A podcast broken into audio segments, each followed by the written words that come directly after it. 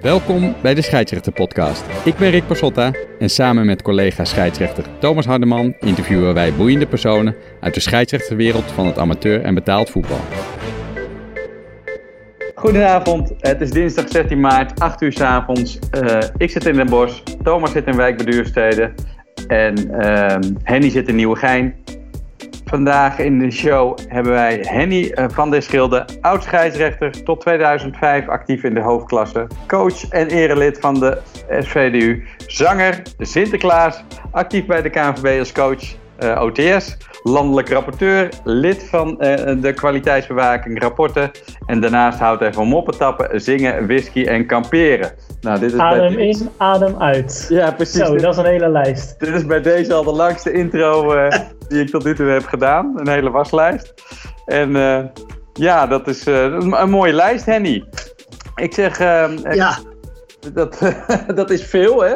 En we hebben natuurlijk ook wel de laatste maanden, gisteren hadden we even in de voorgesprek van uh, ja, je gezondheid. Gelukkig ben je weer in goede gezondheid. Dat is, uh, ja, de laatste, laatste maanden heb jij wel, uh, ja, voor mij nog wel een en ander in het ziekenhuis gelegen. Hoe is dat allemaal gegaan en hoe is het nu? Nou, ik heb, ik heb last van astma. En ja, je weet met het weer zoals van vandaag, met die regen, dan, dan is het allemaal niet, niet prettig. ik hou meer van een zonnetje en een beetje vorst of zo, dat mag gerust. Maar toen kreeg ik een longontsteking. En dat, dat ging allemaal goed. En daar was ik vanaf en in één keer kreeg ik een blaasontsteking. En die blaasontsteking die was zo heftig dat ik een sepsis kreeg, een, een, vergiftiging in mijn bloed. Waardoor ze hem opgenomen hebben. En toen hebben ze me vijf dagen in het ziekenhuis gehouden. Ik zou eigenlijk de volgende dag naar huis mogen. Maar toen stapte ik morgens mijn bed uit om naar de wc te gaan. En toen zakte ik in elkaar. En toen kwam ik met mijn kop tegen, een, tegen muur aan. En daar heb ik een paar minuten knock-out gelegen enzovoort. Nou ja, dan komen de nodige protocollen kijken, scans van je hoofd. En. Dus, maar ja, gelukkig is dat uh, allemaal goed gekomen. Want uh, onkruid vergaat niet, zeg ik altijd. Hè? ja, en je bent ondertussen ook weer op het veld geweest. vorige week. Ja, klopt. Klopt. Ik ben ik heb tot eind december niks kunnen doen, want ik, ik was helemaal de kracht uit mijn benen kwijt. En ja, aan hardlopen moest ik helemaal niet denken. Maar uh, gelukkig uh, hebben wij, mijn vrouw en ik, in de coronatijd het opgepakt om in januari te gaan wandelen. En dat is steeds beter gegaan, waardoor ik ook weer mijn kracht terugkrijg. En ja, vorige week zaterdag de 6 maart, toen hebben we de training weer hervat en dat ging me goed af. En verleden week heb ik zelfs een uur meegetraind op mijn manier. Dat ging niet in top, topsnelheid, maar goed, ik ben wel een uur bezig geweest. Ja. En daar was ik heel blij om. En ik, ik heb tot afgelopen dinsdag, dat is vandaag, heb ik pijn in mijn benen gehad. en uh, ik, ga, maar ik ga morgenmiddag toch weer even een half uurtje hardlopen, want uh, ik wil het nou toch wel weer doordrijven. Hè? Dus... Ja, heel goed, heel goed. Hey, als, je, als je nog op zoek bent naar een plek om wat te gaan trainen morgenmiddag, we lopen in Zeist morgenmiddag de, de FIFA-test. Dus je kan altijd aansluiten als je wil. Als je, als je er zin in hebt, toevallig. Ja, ik heb er altijd wel zin in, maar of ik kan. dat twijfel ik. Nee, maar mooi, het is mooi om te zien dat die jongens uh, dat wel kunnen. En uh, ik ben blij dat ik als trainer mijn steentje daarbij kan, aan bij kan dragen om, uh, om, om te proberen uh, scheidsrechters conditioneel beter te maken. En gelukkig zit ik in het feit dat ik ook coach ben. Dus uh, in, dat, uh, in die opzichten kan ik ze ook beter maken. Hè? Dus hoop ik. Ja, maar, nee. Daar komen we zo nog wel eventjes. Uh, Thomas, jij moet morgen de, de, de FIFA-test doen. Welke, welke moet jij afleggen? Ja, we moeten de FIFA-test, volgens mij is dat categorie 1 heet dat volgens mij. Uh, dat betekent dat ik in 15 seconden 75 meter moet lopen. Of rennen eigenlijk, want uh, dat lopen lukt dat niet. Um, en dan heb je daarna 18 seconden om 12,5 meter heen en terug te lopen. Ja. Uh, en dan ga je weer van start en dat 40 keer. Ja. maar dat is niet het enige onderdeel. voor ons als scheidsrechters moet je ook nog um, 6 keer 40 meter sprinten in 6 seconden.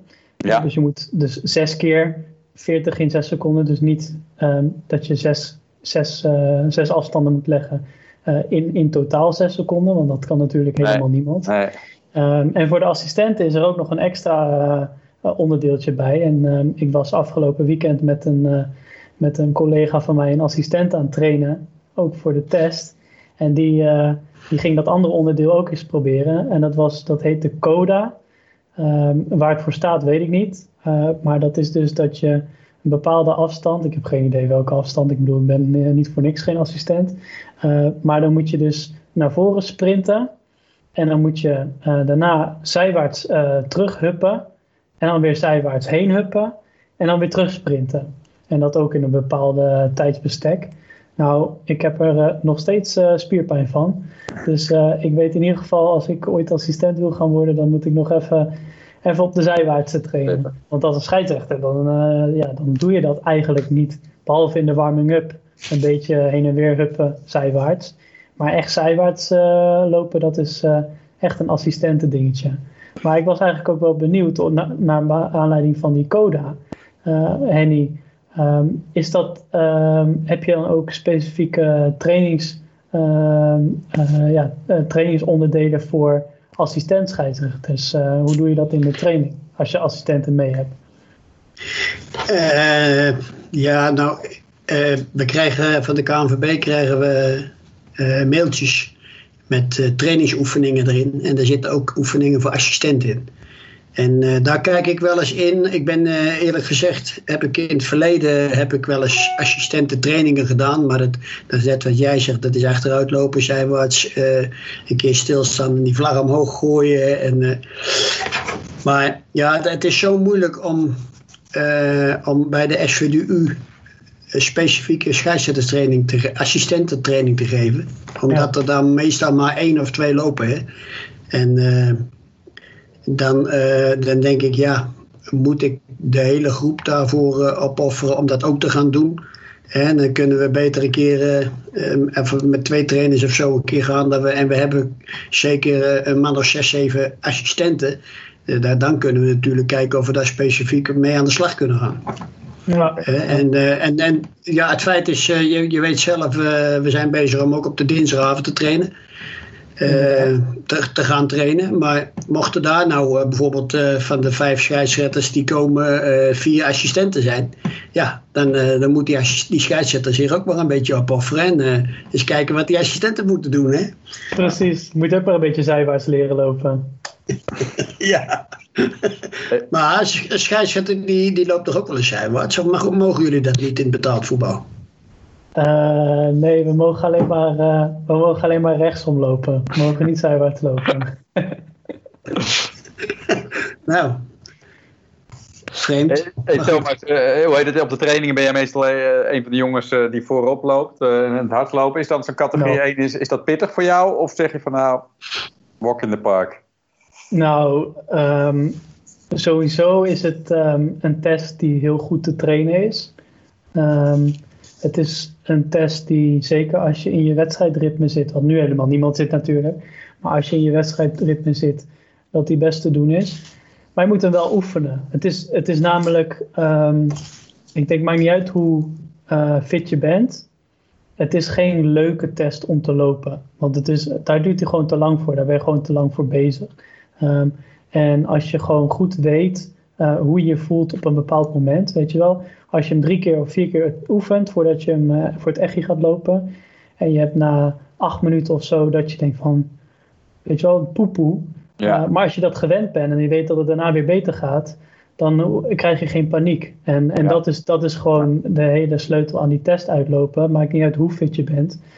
Weet waar je bent in je, in je, in je conditie. En laat jezelf niet gek maken door jezelf. Want ja, uiteindelijk uiteindelijk is die te doen. Maar het, het is echt heel erg, uh, het heeft heel veel met, uh, met mentaal te maken ja. eigenlijk, zo'n test. En eigenlijk wil je dus, zeg maar, ja, hoe je je mentaal voelt op sommige momenten, daarvoor heb je hem gewoon een paar keer nodig gehad. Om, ja, om je geen zorgen te maken eigenlijk. Dat je denkt van, nou ja. Ja, en dat ja. is ook voor iedereen weer anders natuurlijk. Want je hebt ook, um, ja, je kan op natuurlijk verschillende manieren lopen qua tempo. En dat bedoel ik niet de seconde. Maar als je snel van start gaat, dan heb je aan het eind heb je tijd over. Dan kan je rustig uitlopen. En als je juist op het begin wat langzamer start, dan moet je hem door tot het einde lopen. Maar dan kan je weer um, wat verder uitlopen op het stuk waar je eigenlijk gaat wandelen. En dan ben je sneller weer bij de start bij, uh, bij de volgende ronde. Dus je moet echt, dat is waarom ik echt op hamer van als je hem wil lopen, als je hem wil halen. Het, wat je moet doen is gewoon die test gaan oefenen. En uh, dat heeft niet zoveel met je fitheid verder te maken, maar gewoon dat je je vertrouwd en veilig voelt uh, tijdens het doen van die test voor het echi. Ja, ja. Nou, duidelijk. Ik vind, ik, vind, uh, ik vind overigens wel dat er door die test altijd een hoop druk op de scheidsrechter komt te staan.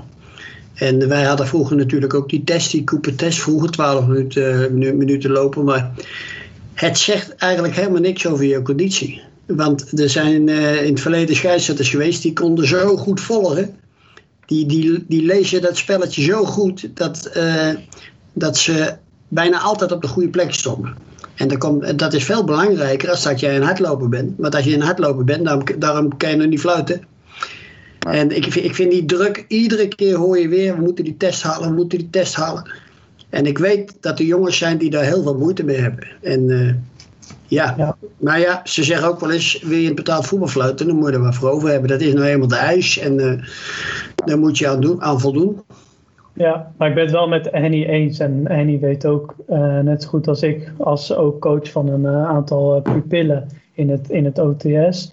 Um, iedere minuut waarin je, waarin je bezig bent met uh, het halen van die test, met het trainen voor die test, ben je niet bezig met um, trainen voor je wedstrijden. Ben met, weet je wel, fit worden op een, op een wedstrijdmanier. Uh, nou maakt dat in deze tijd natuurlijk niet zoveel uit, want er zijn toch geen wedstrijden, um, of bijna geen wedstrijden. Maar normaal gesproken, ja, dan wil je eigenlijk dat trainen, dat dat ten gunste van je wedstrijdmoment is. Um, en, precies, en precies. van een bepaalde, uh, van een bepaalde conditietest. Um, en, en daarnaast, uh, wat veel mensen ook zeggen, als je fit genoeg bent om goede cijfers te krijgen in je wedstrijden, goede beoordelingen in je wedstrijden, dan ben je ja. fit genoeg om te fluiten. En als dat niet zo is, dan reflecteert zich dat ook in je, in je wedstrijdbeoordelingen. Dat, daar valt ook wel wat voor te zeggen. Maar het is zoals Henny zegt, hè, um, we, hebben de, we hebben de test, het is een eis en het is ook een beetje een eis, daar ben ik er wel van overtuigd om te, uh, in te schatten hoeveel heb je ervoor over. Ben je bereid om een bepaald trainingsregime, ook al fluit je in de derde of de tweede klasse en uh, zijn er ook spelers op het veld die uh, de, de avond ervoor nog een biertje of acht hebben gedronken. ben je nog steeds bereid om, om, om ervoor te gaan? Dus ik denk ja. dat dat ook een, een, een doel is van die test. Ja, Kijk, het is, het is natuurlijk wel een gegeven, Thomas, hè, dat uh, een scheidsrechter moet fit zijn. Uh, ben je niet fit, dan kan je ook geen wedstrijd fluiten. Maar, en als er een test is, dat vind ik prima. Maar uh, zeker in het begin van het seizoen. Want meestal heb je ook nog een test halverwege het seizoen. Dan denk ik, ja, als je dan niet fit bent in het begin, dan heb je de eerste helft van je seizoen is al verloren. maar als jij, als jij je test haalt en je fluit een slechte wedstrijd, en met name het verkeerd volgen, uh, dan zal er heus in je rapport niet staan van. Oh, maar deze scheidsrechter heeft zijn test wel gehaald, dus het zal wel goed zitten. Nee, dan krijg je ook op je rapport. Uh, dus ik ben het gedeeltelijk ook wel met jou eens. Dat volgen, dat is toch een ding. Als je dat goed onder de knie hebt, dan heb je, heb je 50% al van de wedstrijd gewonnen. Ja. Zou het ook niet zo zijn dat het een soort stok achter de deur is dat je eigenlijk in juni, juli uh, eigenlijk wel fit moet zijn? Want wanneer staat die test geagendeerd? Meestal begint het seizoen toch? Ja, meestal uh, ja. augustus rond uh, ja. de, eerste, de eerste wedstrijden, ja. Ja, misschien ja. wel een soort nulmeting om goed te starten, zeg maar. Ja, is ook wel zo. Is ook wel zo. Maar ja, wat Henny zegt is ook zeker waar. Van, als je niet fit bent, dan dan zie je dat echt wel in je, in je beoordeling terug. Ja. Ja. Okay. Ja, en, die, en daar hebben we het nu over betaald voetbal, hè, die testen. Maar de testen voor de amateurscheids, die, die zijn niet in augustus. Die zijn geloof ik pas in oktober of zo ergens. Uh, ja, dan denk ik, dan hebben we twee maanden dat je, ja. dat je loopt de. Dat moeten zijn. ja. ja, daar had je fit moeten zijn, precies. Die test moet je begin augustus doen, dat is voor de competitie. Ja. En als je die test niet haalt, dan fluit je ook niet. Maar nee. dat is ook niet meer. Of een niveautje laag. Nee, dan Of een houden we Oké. Nee, daar houden ze niet. Nou, Henny, eh, eh, eh, voor, voor de mensen die jou niet kennen, voor, voor- jij bent volgens mij, mag ik naar je leeftijd vragen? Ik word eh, zaterdag over een week 69. Kijk, Zo. ja, ja. En ehm, ja, wat ik Dus altijd niet, enorm- vergeten, niet vergeten als jullie komen trainen, om Ja. even te feliciteren. Ja, Dat zeker niet doen. Maar Ja. hoeveel van die jaren, hoeveel van die jaren ben je nou eigenlijk al trainer bij de SVU? Ik ben begonnen in 1982. Zo. Dus ik ben eh, eh, met een onderbreking van Rob Wassing, maar ja, daar heb ik ook nog wel eens een paar trainingen overgenomen. Eh, als, hij, als hij per ongeluk een keer niet kon of zo. Dus ik zeg altijd maar zo, volgend jaar augustus ben ik 40 jaar trainer. Zo, ja. En Ja, eh, daar, ben ik, daar, ben ik, daar ben ik wel trots op, moet ik eerlijk zeggen. Ja, en ik, ik moet ook wel zeggen dat ik. eh, eh, nou goed, ik heb dan. eh, ik, ik train ook nog hier in, in Den Bosch. En ehm, eh, ik heb ook Rob Wassing gehad. Maar ik moet wel zeggen, je bent dan 69. Maar ik vind met de energie hoe je dat brengt. Eh, met name de actieve eh, rekken en strekken. eh, waar, ja, waar je de, de langloopoefeningen doet. En dat doe, ik doe me altijd een beetje denken aan de aerobics van Jane Fonda van vroeger, zeg maar. Dat zal Thomas niet Ja, kennen. Maar, ja, precies. Maar Henny denk ik wel. Ja, echt geweldig om dat zo te zien. Ik denk, hoe, was het ook om weer op het veld te staan? Je hebt natuurlijk ook een lastige periode voor jezelf met de corona. Hoe was dat weer? Ja, heerlijk. Heerlijk gewoon. Eh, ik, ik, ik ben altijd wel bezig met, eh, met sport. Eh, maar ja, weet je, het is. Wat ik het leukste vind is dat die. eh, dat, dat die, die jeugdige jongens eh, enthousiast worden van mijn training.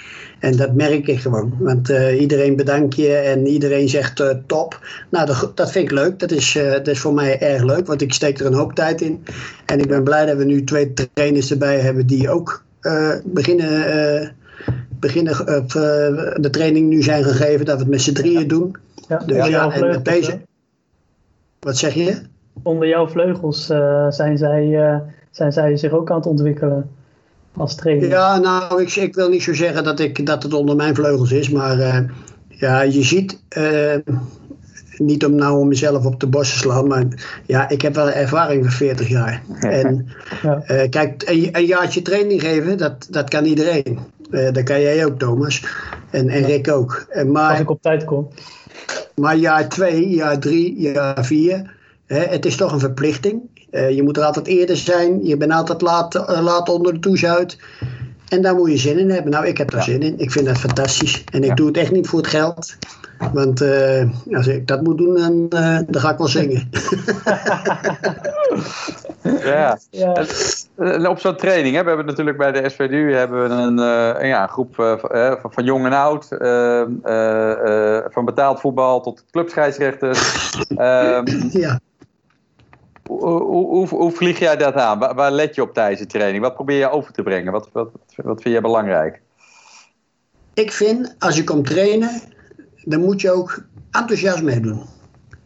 Ik heb, ik, heb, eh, ik heb in het verleden ook wel mensen gehad die, eh, en daar heb ik het niet over deze groep, want dit is een, ik- de laatste paar jaar met die jonge jongens, ik vind het fantastisch hoe enthousiast ze zijn. Ik, ik vind Alex Bos en Thomas ook voorbeelden op de training. Jammer dat, eh, dat Dennis niet zoveel meer komt.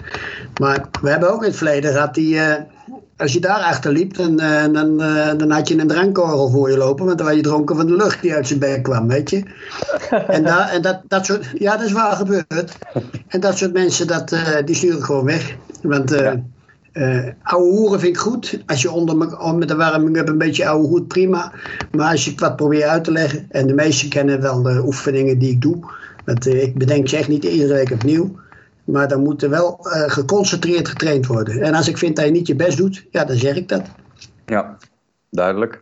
En eh, let, Ja. je ook, let je ook nog op, op, op looptechniek? Of zijn er bepaalde dingen die je daar nog... ik weet wel, je mij ook wel eens Dat over de headset gecoacht. Dat doet hij zeker. Dat weet ik heel goed.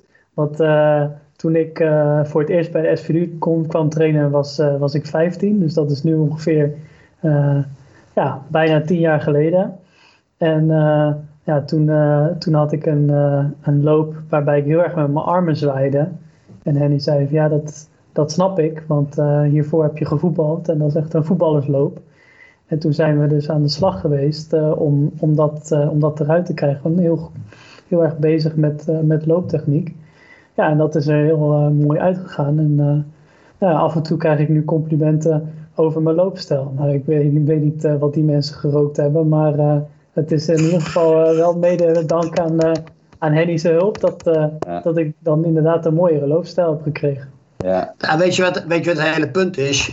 Ik weet niet of je wel eens hard gelopen hebt en dat je steek in je zij kreeg. Ik denk dat iedereen dat wel eens heeft gehad. Dat komt omdat ze een vuist maken en dan knijpen ze met het lopen. Hè, en, de, en, de, en dan gaan de armen zo hoog met lopen dat ze, dat ze zichzelf zo wat in de gezicht kunnen stompen. Als je je handen een, een, je, je, een, een 90 graden hoek houdt met je armen en gewoon op de hoogte van je handen op de hoogte van de broekzak houdt, nou, dan loop je zo moe, dan is je doorbloeding goed. Je ook nooit steken in je zij krijgen. En ik moet zeggen, er zijn heel veel mensen. Kijk, uh, Rien Verviegen en Sjoe en dergelijke, al de ouderen. Ja, dat, dat haal je er niet meer uit, met alle respect. Maar die jonge jongens, die van 18, 19 jaar, Max Broekhuizen en Erik van der Vaart, uh, jij Thomas, hè, als je daar op kan letten, dan uh, de, de, die, uh, we hebben Xander Stoffer, die, die vraagt altijd mij, uh, denk, let eens op mijn knie, want die, die loopt met zijn rechterbeen, dan zwaait hij naar buiten om. Niet naar voren, maar ietsje naar buiten om. En dan krijgt hij altijd pijn in zijn heup. Dus ja, als, die, als die komt, dan, dan let ik erop als die jongen dat wil. Dus dat, is, dat vind ik leuk. Dat vind ik leuk. Nou ja, je ziet het hè. Ik bedoel, we zijn mee aan de slag geweest toen ik een jaar of 15 was. En nu ben ik 25 en ik heb er nog steeds profijt van. Ja, dat is, dat is wel mooi. Dat is wel resultaat. Zeker mooi, zeker mooi. Kijk, en dat heb, en, niet, om, niet om over Marcel en, uh, en Jesse Knets en Marcel Roeleveld te praten. Die jongens doen de uiterste best, ze hebben leuke trainingen. Maar dat soort dingetjes, dat, uh, ja, dat, dat, dat, probeer ik met ze, met ze nog iets beter te maken. Enthousiasmeer mensen. Kom op, joh, kom op. En die doet het goed, weet je. Ja. Dat, dat zijn dingetjes, die vinden, die vinden trainingsmensen vinden dat fijn. Ja, en, en, dat, ze, en, en dat, er ook, dat, dat er ook op ze gelet wordt, weet je wel. Ja, het grappige is dat je dat uh, als, want ik train natuurlijk ook al uh, in die afgelopen tien jaar uh, veel bij jou. En en er was ook een tijdje dat dat wat minder was, omdat toen een andere trainer was. Um, en eh, het grappige is dat je dat helemaal niet merkt als je gewend bent om, uh, om, om mee te trainen met Henny.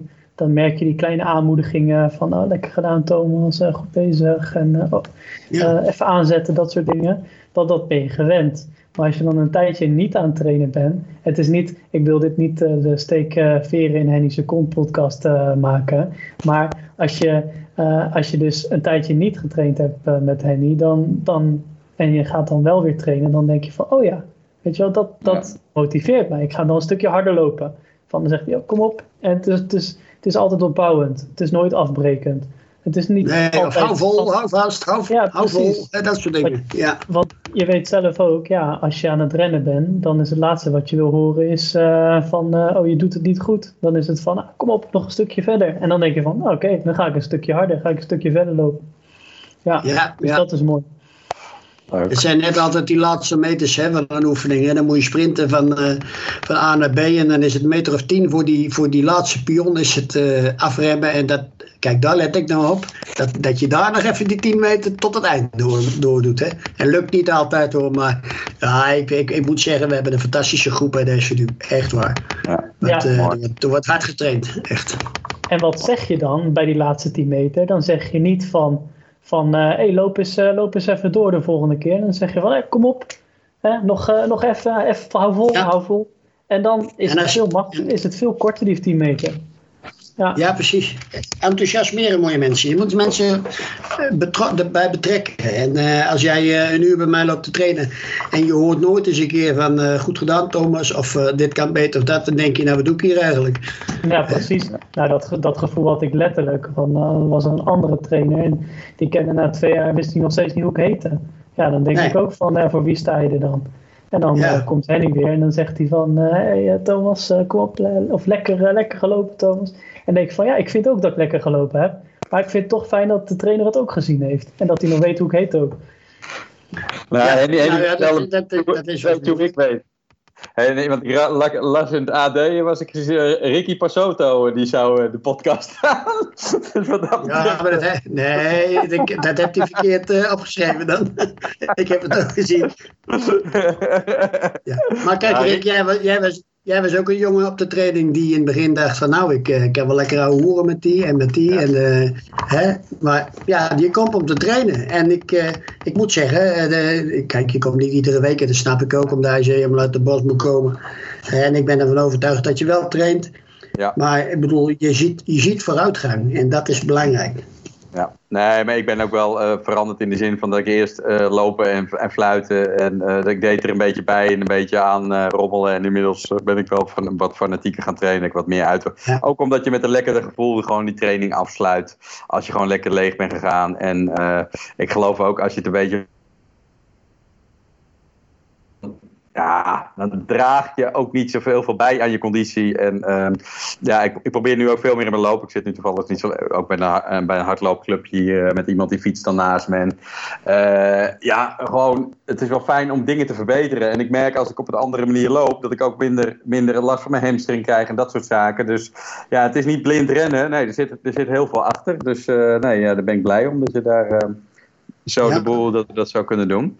Uh, ja, dat is natuurlijk eh, over een hele groep coachen. Maar uh, je, hebt ook, uh, je bent ook coach van wat persoonlijker in de, uh, voor het OTS. Doe je een aantal ja. talenten coachen. Wie, wie, wie, coach je allemaal?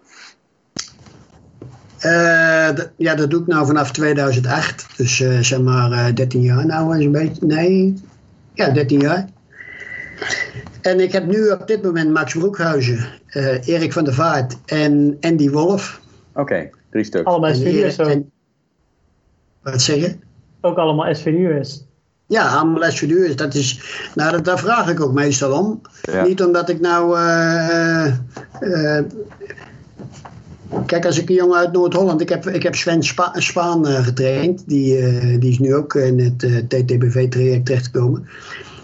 Maar dan merk je dat het contact toch anders is als dat hij bij de SVU komt trainen. Hè? Want dan heb je, ik, uh, ze praten dan over de wedstrijd en ik kan nog eens tussendoor even wat uh, babbelen met ze. En uiteindelijk moet hij toch zelf doen. Hè? Ik, ik, kan wel zeggen, je moet dat en dat doen, maar als je niet doet, dan, doet, doet, hij het niet. Hè? Maar het is zo leuk. Ik heb, ik heb bijvoorbeeld een, uh, een Erwin Blank heb ik gecoacht. Ik heb uh, Johan Balder gecoacht. Ik heb Sander van der Eyck gecoacht. Ik heb Sven Spaan gecoacht. En dan noem ik er even vier op die nu dus actief zijn in het betaald voetbal. Ja. Het is, dat is als coach zo leuk om, om die jongens daar te zien. En ze doen het zelf. Hè. Laat vooropstellen dat ik niet uh, voor ze fluit. Maar die zijn ook onderaan de ladder begonnen. En, die, en als je dan ziet dat we samen in zo'n drie jaar dat traject hebben gevolgd. En dat ze dan daar eindigen, dan is voor mij klaar. Want ik, ik, ik ben geen coach vertaald voetbal.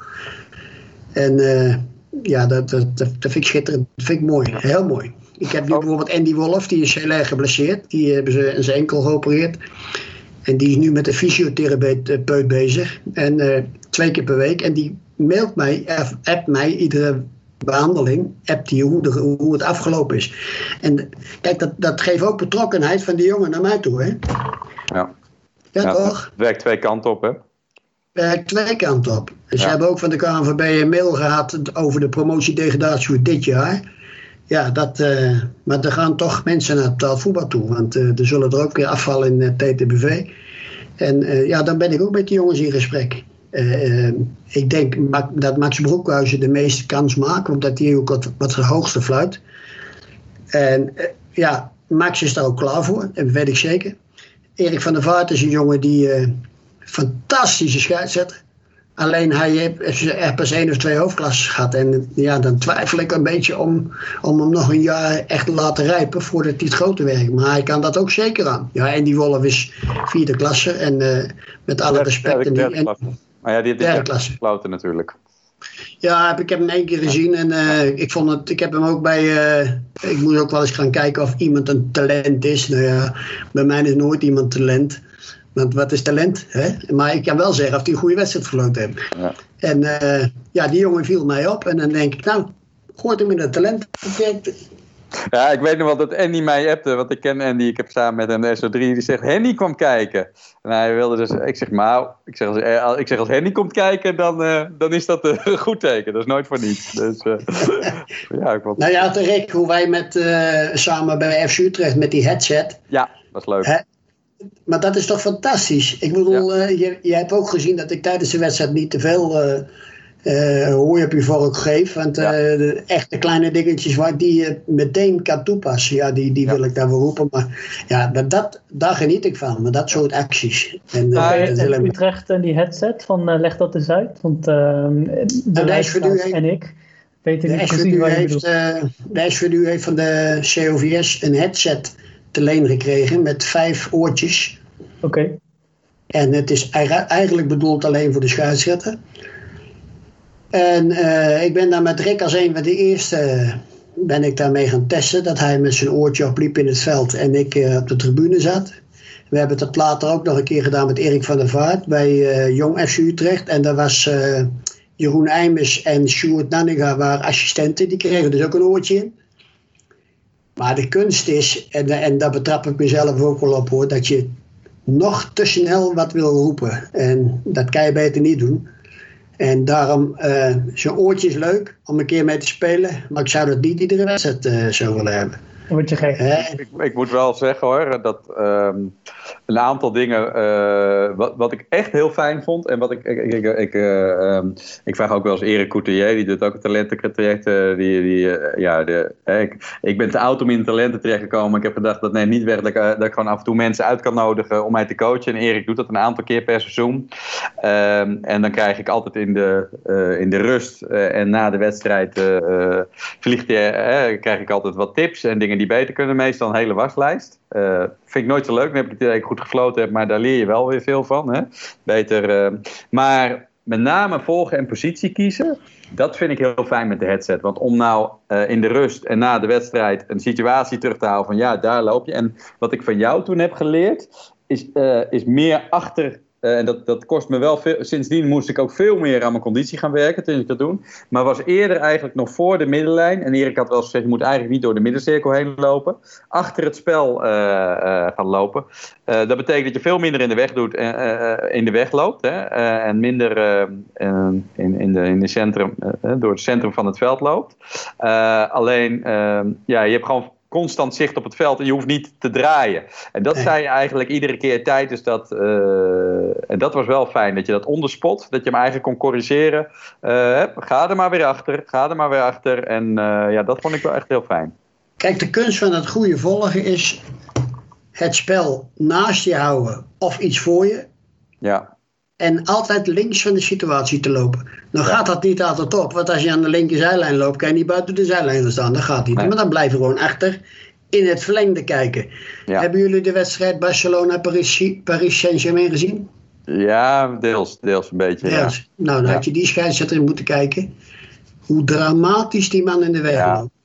Dat doen heel veel scheidsrechters. En uh, met alle respect voor die betaald voetbalscheidsrechters. En ik vind Björn Kuipers doet dat nu ook.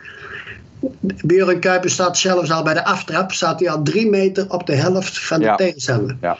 En dat is alleen maar om, de, om voor die situatie te blijven, hoeven ze niet zoveel te lopen. Maar ja. ze lopen altijd in de weg. Ze lopen altijd op de middenas. Gisteravond heb ik Barcelona tegen US, US of zoiets gezien. Huesca. Huesca, ja. Nou, die scheidsrechter die kwam zelfs helemaal een keer naar rechts naar de, bij de 16. En toen zegt hij dat die bal erin ging. Dan moest hij weer naar het midden van de 16 en prompt ja, bij Barcelona, dat gaat zo vlug, loopt in de weg. En, en daar probeer ik altijd, als jij altijd maar achter de aanval blijft, en dat is moeilijk, want als die lange bal komt, dan moet je, dan ja. moet je gaan. Kijk, en ja. jij kan dat, Ricky, heb ik gezien. He, als je, als je, nee, maar dat zit op de Thomas kan dat ook. Ja. He, maar je moet niet uh, Henny van de Schilder daar neerzetten, ja, die kan dat niet meer. Ik, nee. Nee, ik meet, uh, ik zou je wel vertellen, want uh, eigenlijk toen kwam ik erachter, uh, want als je eigenlijk in het centrum blijft lopen, dan heb je veel minder meters maak je. Ik zat op 8 of 9 kilometer per wedstrijd. En nu ik dat doe, zit ik tussen de 11 en 13. Zelfs bij gemiddelde vierde klasse. Dus kun je nagaan hoeveel. Uh, en dan heb je ook wel meer loopvermogen nodig. Maar loop je ook wel beduidelijk binnen in de weg. En met name heb je meer rust. Dus je hebt constant meer overzicht, minder te draaien. En het ziet er gewoon wat, ja. uh, wat rustiger uit. Zeg maar. Ik heb een, uh, vorige week een, een, stukje gezien van de scheidsrechter die in de eerste helft een verkeerd shirt aan had. Omdat Thomas toevallig was. Maar die, die, heb ik wel, die heb ik wel, niet om nou naar zijn bek te praten, maar die heb wel loopsituaties laten zien. Waarin die echt de zijkanten opzoekt van, van het spel. En altijd goed overzicht houdt. En dat is fantastisch. Nog, nog zo'n goeie die, uh, die heel goed volgt. Moet je maar eens op gaan letten. Alex Bos. Dat is een van de weinigen die ook altijd de zijkant op, opzoekt. En Sander van der Eyck. Okay. Die, hebt het, die hebt het ook voortreffelijk. Nou, Sander van Eyck, een, een, wonderkind, die, die heeft vroeger op atletiek gezeten, maar die kan goed lopen, maar nooit in de weg.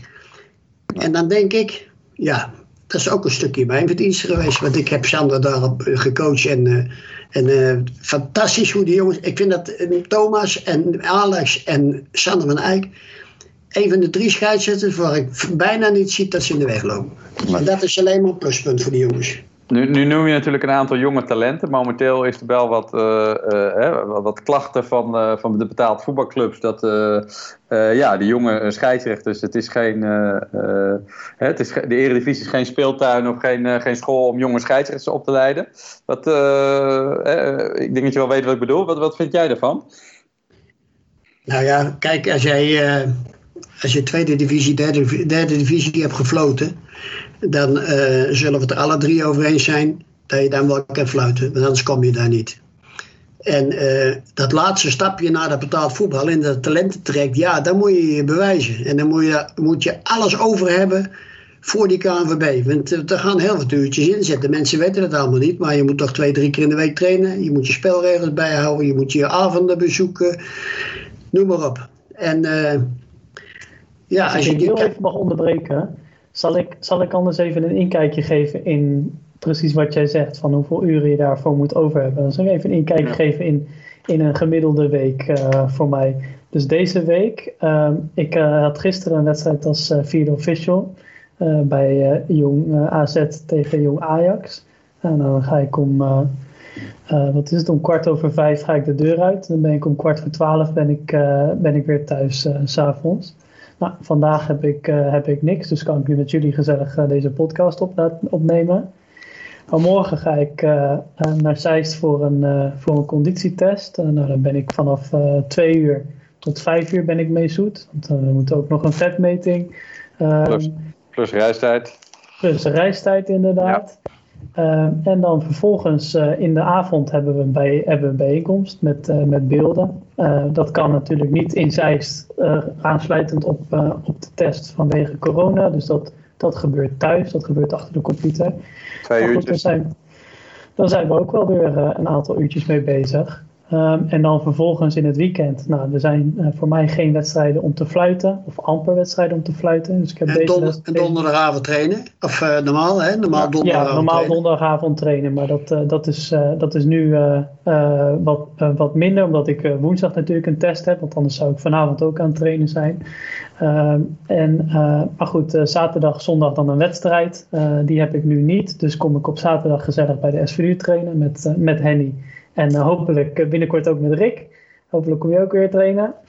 Uh, en, maar goed, zaterdagochtend moet ik ook nog een coronatest doen. Omdat ik komende maandag ben ik testreserve. Dat betekent dat ik dus geen wedstrijd heb. Maar als iemand anders ehm, of van de wedstrijd op, op maandag geblesseerd raakt of onverhoopt positief test voor corona, dan kan ik invallen ehm, in die aanstelling.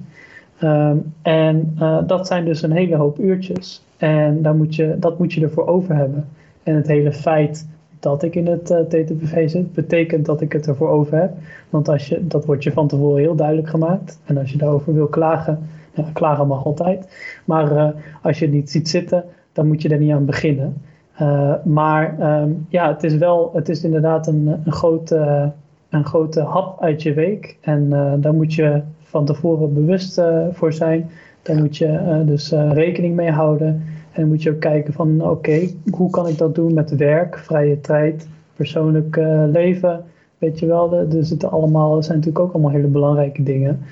Um, en ja, het is wel een groot onderdeel van je leven dan. En wat Henny zegt, dan moet je inderdaad een groot deel van je tijd moet je klaarstaan om, om beschikbaar te zijn. Uh, in de hoop dat je uiteindelijk kan doorgroeien. En de hoop dat je dan ooit eens een keer Kijk, als je zo'n zo Sherda Guzibiuk verleden week in Engeland ziet fluiten, nou dat lijkt me schitterend. Uh, en, en dat is niet voor iedereen weggelegd. Maar als je ziet nu hoe Dennis uh, progressie maakt en zondag uh, AZ PSV fluit, ja, dat lijkt me toch wel kicken hoor. Dat lijkt me echt wel kicken. Ja. Precies, precies. En, en dat is het ook het mooie. En dat, dat is ook iets wat ik in deze coronatijd heb gemerkt. Omdat er niet zoveel wedstrijden waren. En er waren wel onderlinge jeugdwedstrijden bij mijn lokale club, bij CDW in Wijk bij Duurstede. Ja, ben ik wel wat van die wedstrijden gaan fluiten. En dat vind ik gewoon ontzettend leuk. Echt hartstikke leuk. Ja, het, het, voordeel, het voordeel, Thomas, is ook, hè, en dat is misschien wel leuk om even te vertellen. Want door het scheidsrechter, ik was vroeger was ik postbode. En uh, de, zat ik bij de post en had ik schaal 3. Maar door het fluiten heb ik me zo omhoog gewerkt bij de post. Dat ik op een gegeven moment nog een leidinggevende functie uh, had. Het was wel over acht mensen op een administratie. Maar, de, maar ik heb het toch nog opgewerkt tot schaal 7. En uh, ja, dat is puur dat is puur door het fluiten gekomen hoor. Dat je ja. gewoon leiding kan geven. Ja. ja, nou ja, precies, precies. En kan je voorstellen, wat het, daar hebben we het natuurlijk ook al met, met Jesse in de podcast met Jesse over gehad. Kan je voorstellen, ik ben natuurlijk begonnen op mijn vijftiende voor de KNVB te fluiten. Um, ja, hoeveel persoonlijke ontwikkeling dat voor een jongen van 15, 16, 17 is.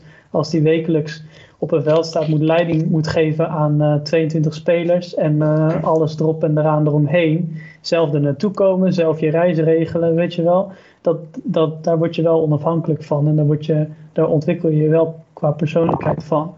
Uh, ja, dus dat is, dat is wel mooi, mooi om mee te maken. Ja, en zeker bij mensen waar je begint die 40 jaar en ouder zijn. Hè? Met, een, met een brok ervaring, kijk, daar heb ik ook mee te maken. Die, uh, ja, dat zijn doorgerotte voetballers en uh, daar, moet je, daar moet je goed tegen bestand zijn. En daar leer je het fluiten in die lagere regionen. Ja. ja. Um, eigenlijk hè, wel, wel de, de, de, wil ik mijn vraag iets concreter maken. Hè. Dus er is momenteel, onder andere Sander van Eyck maakte even natuurlijk met die penalty uh, die hij gegeven heeft. Ik heb ook wel een beetje het gevoel dat nu met de VAR dat er eigenlijk helemaal geen fouten meer mogen gemaakt worden. Vroeger werd dat nog wel vergeven. Um, is dat iets van alle tijden dat als jonge scheidsrechters fouten maken, um, dat dat, uh, dat, dat uh, heel veel ja, rumoer oplevert? Of is dat nu nog erger? En kijk, uiteindelijk moeten mensen ook ergens uh, ervaring opdoen. En in Engeland hè, loopt een heel oud scheidsrechterskorps, die krijgen echt een gat. Wat is jouw mening erop? moeten scheidsrechters jong zijn? Worden ze te jong um, in de Eredivisie gezet? Hij moet goed fluiten. Dat is het allerbelangrijkste. Hij moet die wedstrijd tot een goed einde brengen. En of je nou 50 bent of 20 bent of 30, uh, dat, dat zou voor mij niet zoveel uitmaken. Uh, inderdaad, wat jij zegt, Rick, is dat in Engeland, dan zie je toch wel de wat oudere scheidsrechters daar fluiten. En als ik die zie, uh, volgen bijvoorbeeld, en als ik die zie uh, optreden, ja, dan, dan staat er soms een brok ervaring waar je u tegen zegt. En soms is het, ziet het er niet uit. en uh, uh, bij, die, bij die jongere jongens die bij ons uh, fluiten, die, daar heb ik heel veel respect voor. Om die wedstrijden tot een goed einde te brengen. Want er komt zoveel bekijken. Er zijn zoveel regeltjes die jaarlijks veranderen. Dan heb je nog die vaarden bij. maar ik zeg altijd tegen mijn jongens die coach, durven fouten maken en geef hem ook toe. En dat, dat vind ik klasse van Sander van Dijk. Ja. ja. dat hij een penalty geeft. Ik vond ook geen penalty hoor. Want, uh, uh, maar ja, je kan hem geven. En uh, ik vond het klasse dat hij voor de camera toe durft te geven dat hij een fout heeft gemaakt. Ja, het, het kwaad is geschied, daar doe je niks aan. Maar ik zeg altijd maar zo: wie niet in staat is een fout te maken, is tot niets in staat. Ja, mooi. En, en als je die spreuk nou eens onthoudt, dan gaat het helemaal goed komen bij jullie. Mooi. Gaan we op een tegeltje zetten. Ja. um, ja, dan hebben we hier nog altijd een item memorabele wedstrijden. En uh, dan hebben we, dan wil ik het graag met je hebben over de wedstrijd Vitesse 22 tegen ADO 20. Ja. Uh, kan je wat vertellen over die wedstrijd? welk jaar was het ongeveer en uh, hoe is die wedstrijd verlopen? Vitesse 22 was een bekerwedstrijd tegen ADO 20. En uh, Vitesse 22, dat, uh, dat zit hemelsbreed, zit dat geloof ik uh, eh, 200 meter bij ADO 20 vandaan. En ik wist dat niet toen. En ik kwam op dat veld en ik zie in één keer een, een kleine 2000 fietsers aankomen. Helemaal vanaf ADO 20. En uh, ik waar, had vijf... waar, waar, zit ADO? Utrecht? Uh... Nee, ADO 20 zit in uh, Beverwijk. Heemskerk? Heemskerk. Oh, Heemskerk. Okay, ja. En Vitesse 22 zit in... nou, weet ik niet meer. Maar een dorpje daarbij. Ja. En... Dus ik had die wedstrijd 2500, maar het publiek schrok mij helemaal wezenloos, had ik nog nooit gehad. En dan begint de wedstrijd. En dan achter het doel van Vitesse staan al die Ajax jeugd en supporters en die zaten allemaal voor het hek. Op het gras. Mooi weer. dus ik, uh, ik zette die aanvoerder. Ik meneer, haalt u even die mensen daar weg, want die moeten achter de draad. Nou, ze zijn nog niet weg. Vijf minuten daarna, weer die hele zooi voor het hek. Ik die aanvoerder. Ik zeg, uh, aanvoerder, wil je even die jongens weghalen? Nou, dat ging twee, drie keer zo. En bij de derde keer, toen zei ik tegen hem, ik zeg, als ze nou niet achter het hek blijven, ik zeg, dan ga ik weg. Want ik ben geen politieagent om uh, zes keer tegen jou te vragen of ze weggaan. Dus zeg dan maar tegen ze, nou, ze blijven achter het hek. En nog geen vijf minuten daarna scoort ADO 20 een doelpunt. En dat hele publiek kwam naar voren. En dat waar die twee kinderen voor dat hek zaten, breekt dat betonnen paaltje af. En die reclameborden die klappen zo met 100 man publiek naar beneden. Dat die aanvoerder naar me toe kwam. Hij zegt, god, vernimme scheids. Ik had er niet aan moeten denken wat er gebeurd was als ze hadden blijven zitten. Ik zei, nou, dan zie je dat wij wel eens vervelend zijn en zeikerig zijn. Maar ja, het zijn gewoon de regels. En dat heb ik mijn hele leven nooit meer vergeten. Ik heb er zelf nog een foto van hoor, omdat uh, dat, die, dat, die, dat die omlacht, die, die, die reclamebord. Maar dat zijn dingen die vergeet je niet meer. Ik, ik moet ook één keer zeggen, mijn eigen uh, wedstrijd ik ook een keer had gehad, dat ik een keertje liet ik het een keer gaan. Hè? Dus ik ben, meestal ben ik er vrij uh, strikt op. En er stond al iemand te roken op het veld, dat liet ik al een beetje gaan. Het was een zonnig dagje bij Oudijk was het. En ik denk, nou, zeg, en toen stond er nog ergens anders iemand wat. En toen was ik aan het voetballen, zag ik al eentje zo een beetje. Het was lekker weer in het veld zitten. Maar het is ook als je het uh, laat lopen. En op een gegeven moment de tweede helft zat er gewoon 100, 200 man. Zat er gewoon binnen de hekken. En, uh, maar ik kon ook niet meer terug, omdat ik, ik liet daar wat gaan en liet daar wat gaan. En dat was echt voor mij zo'n moment dat ik dacht van... Oké, okay, daarom ben ik er altijd zo strikt op. Gewoon als je de eerste al aanpakt en de eerste laat zien, dan is het nog te controleren. Maar ja, als je het op een gegeven moment laat gaan, dan, uh, ja, dan, dan eindigt het. Je weet niet waar het kan eindigen, natuurlijk. En ook in dat soort situaties natuurlijk. Ja, kan, ja. ja maar de, de boosdoener is de scheidsrechter die naar je komt, die daar niet op let. Ja. Dat is juist de boosdoener, want uh, als je daar gewoon consequent op let en de ja. volgende keer kom jij bij Oudijk en dan zeggen ze, oh meneer Pazotta die komt, uh, dan moeten we even achter de raad jongens. Ja. Hè? ja. En uh, als iedereen dat nou doet, maar dat doen ze niet. Ja, nou mooi. Dat is het, dat is het nadeel ervan.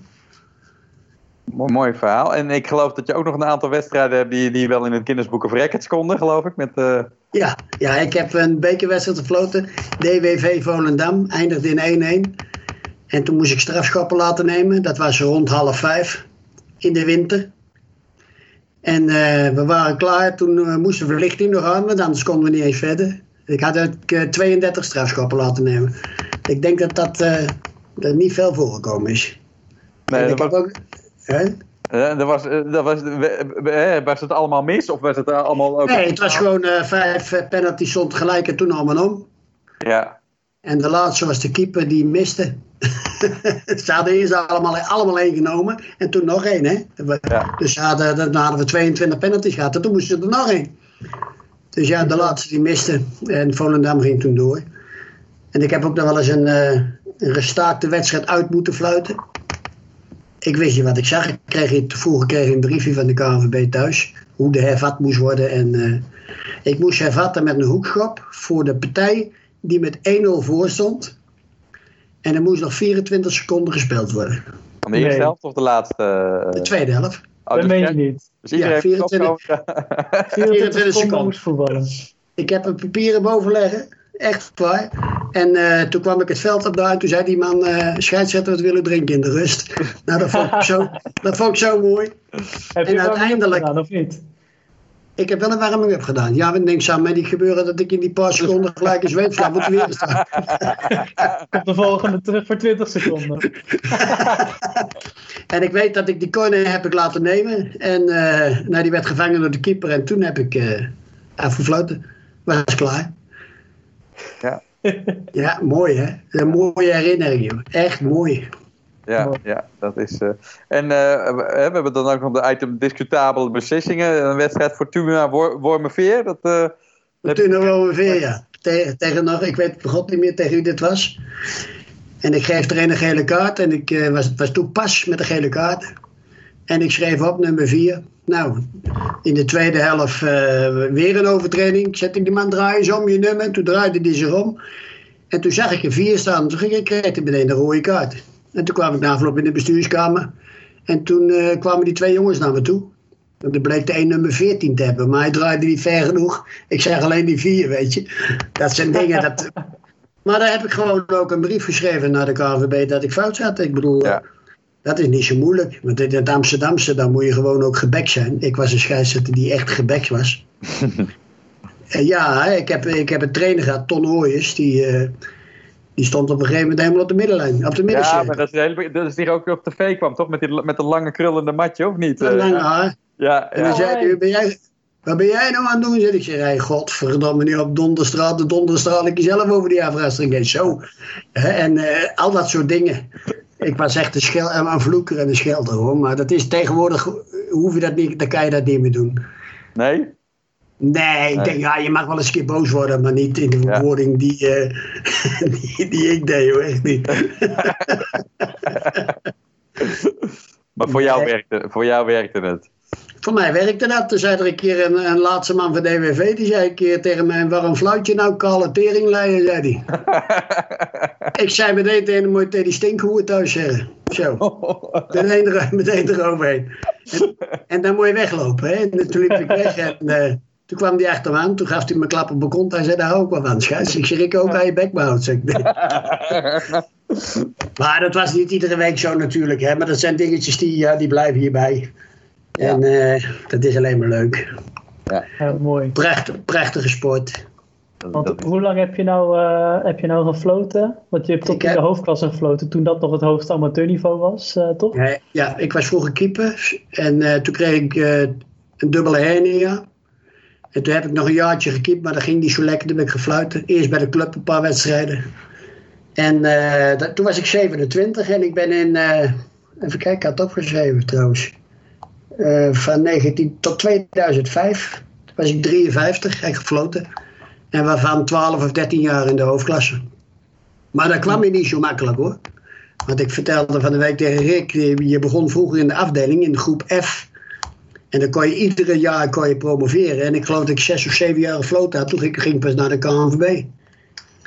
En toen bleef ik hangen in groep 4. En toen op een gegeven moment toen was Jos Verpelt, uh, oud lid van de SVD, die was toen uh, in de commissie ook.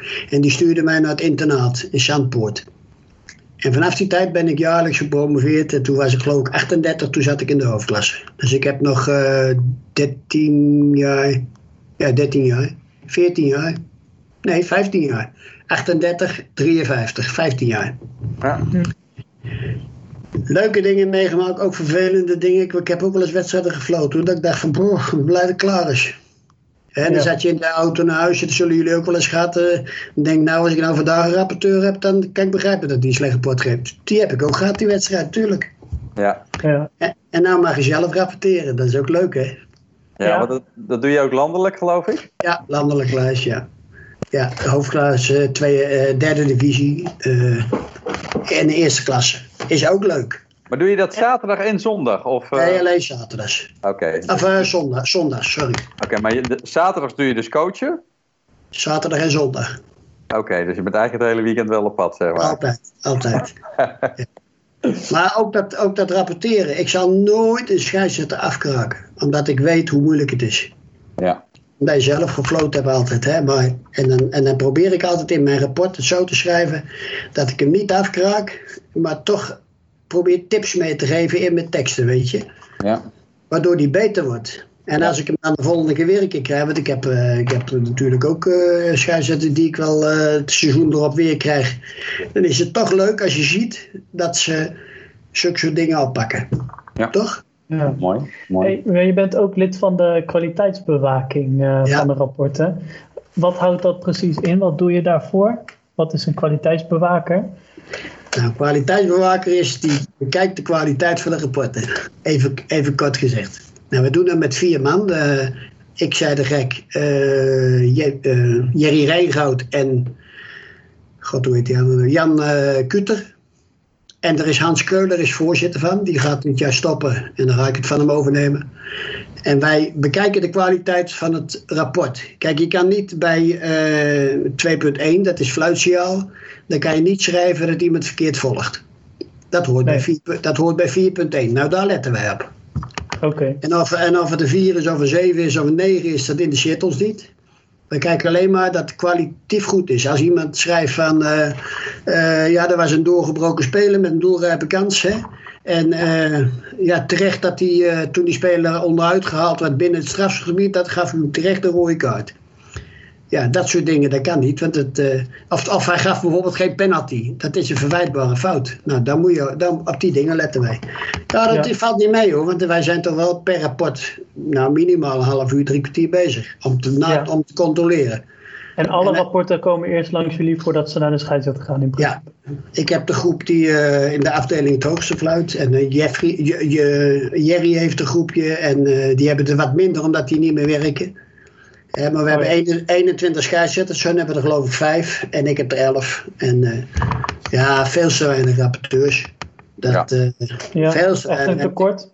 Echt een tekort, ja. En ja. ik ben bang, nu de coronatijd uh, geweest is, of, of als dat geweest is, dat de hoop mensen zeggen, nou ik vind het toch wel lekker zo'n weekend thuis. Dat, dat dat ook weer rapporteurs gaat kosten.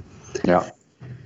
Ja. ja, en dat heeft ook te maken met de vergoedingen die de rapporteurs krijgen. Want uh, ze zeggen wel, kijk, een scheidsrechter krijgt geloof ik 25 euro voor een wedstrijd. Dat weet jij beter dan ik, Thomas. Hè? Kijk, wij krijgen 9,60 euro. Ja. Maar als je ziet wat wij ervoor moeten... Ik ben, als ik een rapport aan het schrijven ben, ben ik 2,5 uur bezig. Ja. Hè? Die tijd traint de scheidsrechter in de week. Hè? Uh, ja. de, de, op amateurniveau. Ja. En vervolgens zit ik ook die wedstrijd te kijken aan de half uur. Ik moet ook drie kwartier van tevoren aanwezig zijn. En als je naar 9,60 euro zegt, dan zeg ik, schroef dat nou op naar 15 ja. euro of zo. Maar ja, dat is allemaal weer te kosten voor de clubs. Snap ik ook. Ja. Maar goed, ik klaag, ik klaag niet hoe verder, want, uh, maar dat, dat houdt wel in dat er rapporteurs zijn die zeggen van ja, maar dat ga ik niet meer doen hoor. Nee, voor, die, voor die patiënten. Hè? Je, klaagt, je klaagt niet voor jezelf, maar je ziet gewoon, je signaleert dat er ja. een tekort is en dat dat ook een factor kan zijn. Maar je moet ja. het niet voor die centen doen, je moet het doen omdat je het leuk vindt. Ja. ja. Ja, toch? En dat heb ik met coach ook. Ik heb, de, ja, ik heb nu de Andy uh, en Erik zijn op de zaterdag en uh, Max op de zondag. Dus één keer in de maand hou ik vrij voor Max. Maar dat is, als Max bij mij weg is, dan ga ik niet meer op zondag. Uh, want dat gaat ten koste van mijn rapporten. Hm. Ik moet ook twintig rapporten maken in een jaar. En soms lukt dat gewoon niet. Omdat ik ook nog wel eens op vakantie ga. Dus. en waar ga je dan naartoe, Andy? Vakantie? Wat is je favoriete vakantiebestemming? Nou, meestal, uh, we zijn nou de laatste paar jaar uh, zes weken in Spanje geweest steeds. Met de caravan. En dat is, uh, dat is leuk. Echt helemaal niks doen en een beetje trainen voor jezelf. Maar meer zwemmen, eten, luien. Waar, ja, waar, waar, in Spanje? Nou, we beginnen meestal onder, onder in onder, Alicante. Oh. In Guadamar. Ja, ken ik. En en dan gaan we zo langzaam naar boven. Uh, Gevea, uh, Olivia, Oliva. En dan gaan we zo langzaam naar de Costa Brava terug. Een weekje hier, een weekje daar. Als je nou in de buurt van Alphas del Pie bent, moet je mij, daar woont mijn moeder, dus daar ben ik regelmatig te vinden. Altea, Alphas del Pie, daar kom je ook wel langs dan, denk ik. Altea hebben we ook gestaan, ja. en uh, Albier. Ja. Is dat daar in de buurt? Ja, ja, ja zeker. zeker. Uh, Albier, Albier is bij Alphas Delphi. Dat, uh, zit er, uh, dat is hetzelfde dorpje. Dus uh, leuk. Oké. Okay. Okay. Ja, altijd hebben we ook gestaan op de camping, ja. Dat is ook ja. leuk. Ja. Ja. Ik ben wel eens naar Barcelona geweest. ik denk, ik zeg ook maar wat. die kennen we. Ik ben er nooit in Barcelona geweest. Want die, nee, camping, die camping staat aan het strand bij het vliegveld. Ja. En de, de, hele dag die vliegtuigen over je kap. Ja, en, dat, en, en, als je er voor je dat, komt. En uh, in de, midden in de zomer wil je ook gewoon in juli, augustus zou ik niet adviseren om in Barcelona. Het is gewoon veel te heet. Nee, maar wij gaan ook in september. Oké, okay, nou dan zou het wel kunnen. We gaan in september. Uh, maar ja, we zijn nou vorig jaar ook niet geweest en dit jaar daarvoor ook niet.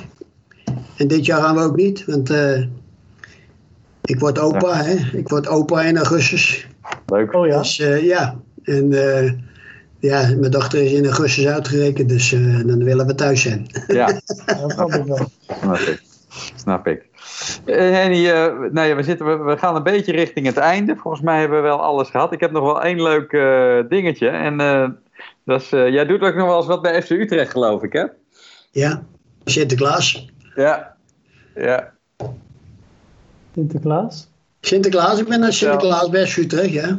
En, En, hoe gaat dat zo'n avond? Want neem- is dat voor de, voor de spelers van het eerste elftal ook? Of, ja, eh, het, is, ver- het is voor de jeugd. Oké, Het is tot, eh, ik meen tot 10, 11 jaar.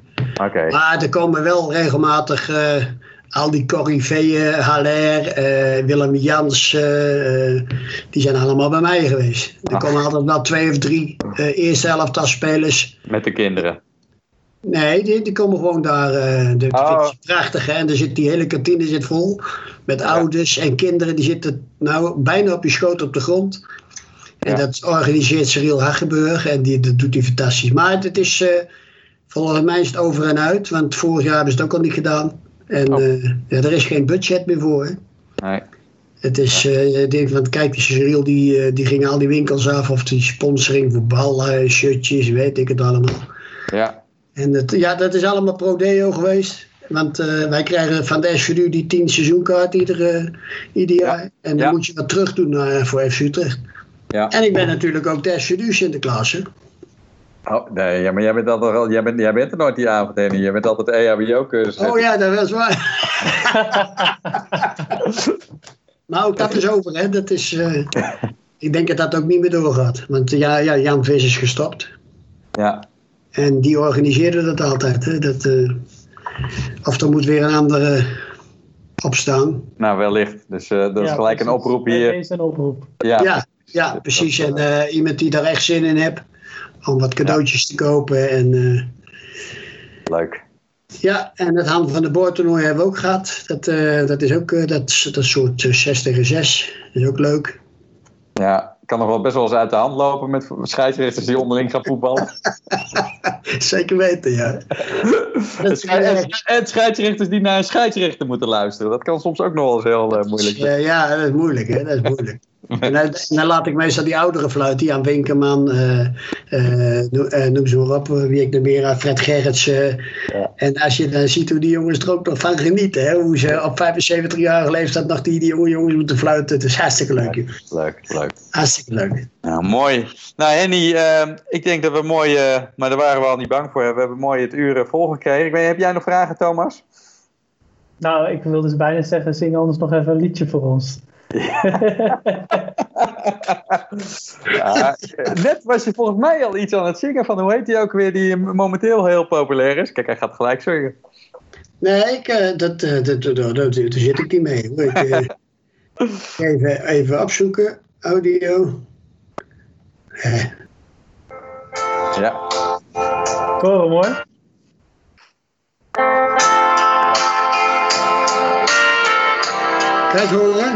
Zeker.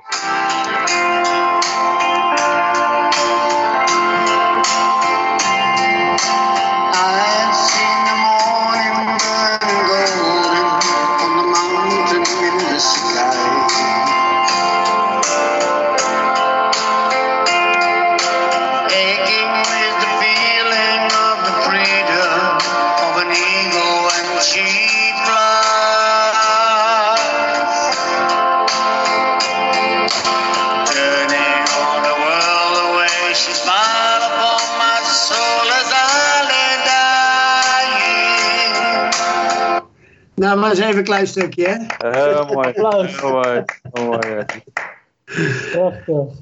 Nou, dat is is leuk. een fantastisch mooi einde. Ja, inderdaad. We hoeven dit keer... Mooi, hè? Nou, Henny, echt hartstikke bedankt voor je tijd. Leuk om, eh, ja, om weer eventjes jouw kant van het verhaal. En ook, weet je, eh, het, is gewoon ontzettend. Hè, voor, voor ons scheidsrechters is het gewoon, eh, ja, gewoon zo waardevol om, om eh, vrijwilligers die hun kennis en ervaring met ons delen. En eh, ja, het hele palet aan diensten wat jij eh, eh, ja, voor het voetbal ja, echt dienstbaar. Hè, wij zijn dienstbaar aan het voetbal en jij bent eigenlijk dienstbaar aan de scheidsrechterskorps. En ja, ik denk dat dat zoveel waard is voor ons. Dus daar wil ik in ieder geval gewoon ook even voor, voor bedanken. Ehm, hè, voor alle tijd en energie die je erin steekt. En ehm, ehm, ik heb er in ieder geval aan. En ik weet zeker dat ik heel veel andere scheidsrechters er veel aan hebben. Leuk om dat te horen. Wat er allemaal, ja, hoe jij erin zit en waar je energie van krijgt. En eh, hartstikke bedankt daarvoor. Dankjewel. Ik wil jullie ook een compliment maken. Ik heb al die podcasts uit uitzendingen geluisterd. Ik, eh, het is wel even een zit, maar eh, eh, hoe heet het? ik, vind het, ik vind het fantastisch. Een fantastisch initiatief. En ik, ik, ik, mensen die luisteren, eh, wil ik hem absoluut aanraden om de anderen ook te gaan luisteren. Want het is subliem wat jullie doen, jongens. Hartstikke mooi. Dankjewel daarvoor. Dankjewel, Annie. Dankjewel. Oké. Ik wil ook nog even zeggen van, eh, eh, ik had natuurlijk net mijn eh, persoonlijke Henny-verhaal van eh, dat mijn looptechniek, dat we daaraan gewerkt hadden van toen ik 15 was, dat ik daar nog steeds profijt van heb. Nou de, de jarenlange, tientallen jarenlange inzet van Henny voor, voor scheidsrechters, je zegt het heel mooi, ehm, eh, Rick, van dienstbaar zijn aan scheidsrechters, betekent dat er tientallen, misschien wel honderden scheidsrechters zijn die rondlopen met zo'nzelfde soort Henny-verhaal van eh, Henny heeft me zo geholpen, Henny heeft me zo weggeholpen. Ehm, en dat is, eh, weet je wel, al die, al die eh, inzet die je hebt gehad voor de scheidsrechters in de afgelopen tijd en nog steeds hebt, die, die zijn op zoveel verschillende manieren tot, tot uiting gekomen bij scheidsrechter. Van, van Eredivisie, weet je wel, Erwin Blanke, Sander van der Eyck, tot aan de volgende generatie, Andy Wolf en alles ertussenin. Dus dat is ontzettend mooi en ik hoop dat je er nog heel lang mee door mag gaan en dat we nog heel Ja. lang van je mogen genieten ook bij de SVD. Dankjewel, Thomas. Maar laat ik wel vooropstellen, ik heb niet alle wijsheid in pacht natuurlijk. Hè? Want je de scheidsrechter moet het zelf doen. Ja, oké. Nou, mooie afsluiter.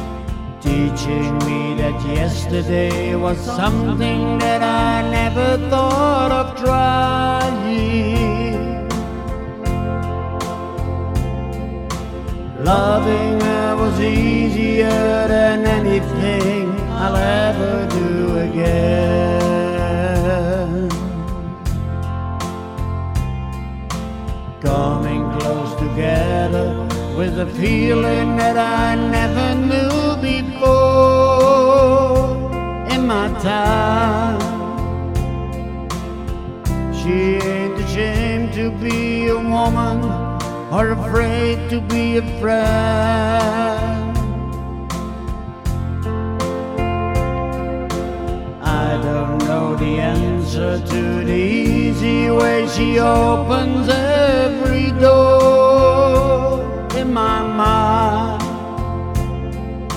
Dreaming was as easy as believing it was never gonna end.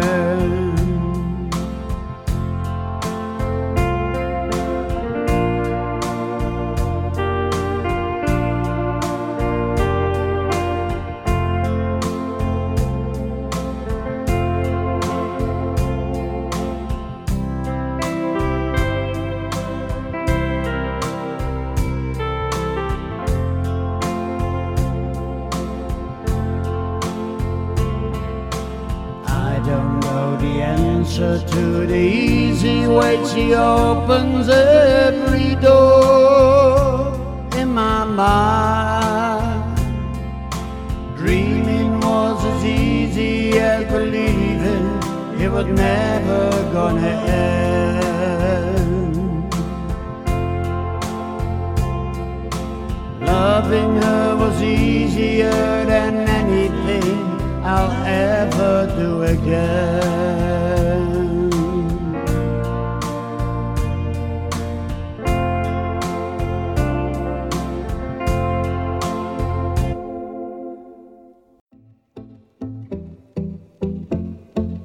Was het dan alweer. Leuk dat je hebt geluisterd naar de Scheidsrechterspodcast. Als je enthousiast bent over de podcast, zouden wij het enorm waarderen als je de podcast deelt op social media. Heb je vragen? Zou je bepaalde onderwerpen of gasten in onze podcast willen zien? Of wil je ons gewoon laten weten wat je van de show vindt? Stuur dan een mailtje naar de scheidsrechterpodcast.gmail.com Bedankt voor het luisteren en tot de volgende aflevering.